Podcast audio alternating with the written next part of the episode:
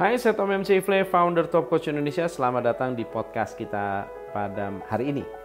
Hari ini kita akan membahas mengenai 6 langkah meningkatkan penjualan tanpa iklan.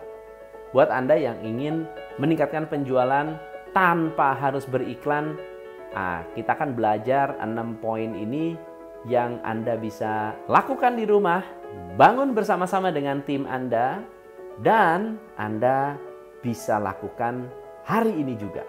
Teman-teman, iklan hanya salah satu cara untuk meningkatkan penjualan.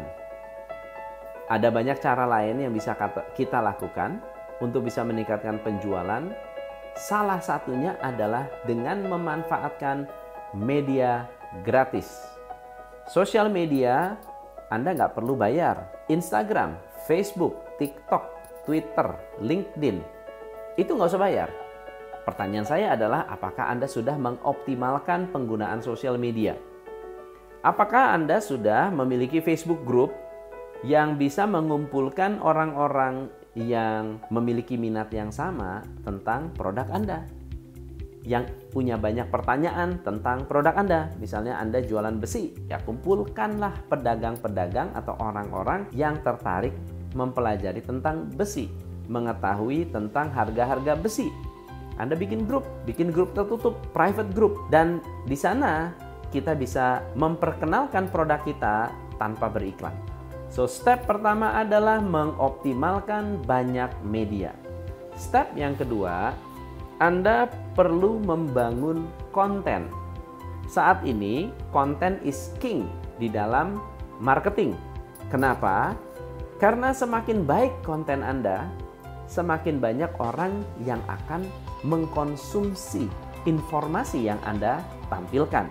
Kalau video Anda bagus, kalau edukatif, informatif, entertaining, membuat orang penasaran, maka brand Anda akan dikenal dan orang akan membeli produk Anda karena teredukasi.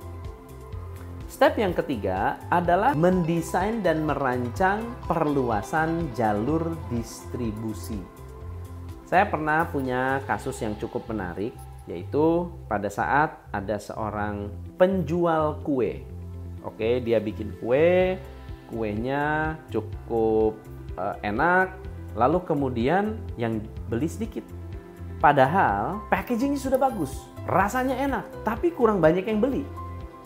Nah, apa yang mereka lakukan? Akhirnya kita melakukan sebuah terobosan.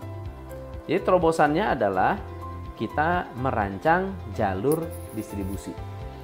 Apa sih contoh jalur distribusi? Jadi kami membuat sebuah pengumuman buat orang-orang yang mau menjadi reseller tetapi harus buka lapak kami akan siapkan bannernya, kami akan siapkan spanduknya, kami akan mempersiapkan displaynya dengan cara mereka membeli minimum produk. Minimum produk, minimum quantity, lalu kita akan set up kan. Kalau Anda punya rumah di pinggir jalan, buka lapak di pinggir jalan, mobil lewat, beli, pergi. Mobil lewat, beli, pergi. Apa yang terjadi jika saya punya seribu distributor, 1000 reseller. Kalau saya punya 1000 reseller, berarti setiap hari kalau satu reseller hanya menjual satu, saya sudah menjual 1000 bungkus, 1000 kotak. Tapi kenyataannya kan nggak seperti itu. Kenyataannya satu reseller bisa jadi menjual lebih dari satu. Walaupun tidak seribu-seribunya aktif. Katakan 30% aktif. 30% aktif dari 1000 itu sudah 300 kalau 300 reseller setiap hari menjual tiga itu sudah 900 box yang dijual oleh reseller tadi. Apakah mudah? Tidak mudah. Tetapi apakah mungkin? Sangat mungkin. Perlu iklan? Tidak perlu. Yang keempat adalah mengumpulkan social proof. Apa itu social proof? Social proof adalah penguat tentang Anda yang dikatakan oleh orang-orang terkenal. Social proof tidak selalu bentuknya endorse dari artis, bisa juga penguat dari penghargaan-penghargaan yang pernah Anda dapat. Misalnya Anda pernah diberi penghargaan Muri, itu adalah sebuah bukti bahwa Anda berkualitas. Social proof juga bisa berupa pengakuan dari orang-orang terkenal yang menggunakan produk Anda. Kalau Anda pernah datang ke satu rumah makan yang isinya adalah foto-foto orang-orang terkenal yang makan di rumah makan itu.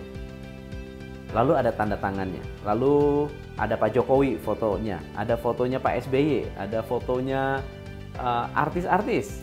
Uh, mereka tidak dibayar, tapi pada saat mereka datang, Anda kumpulkan foto lalu dipajang.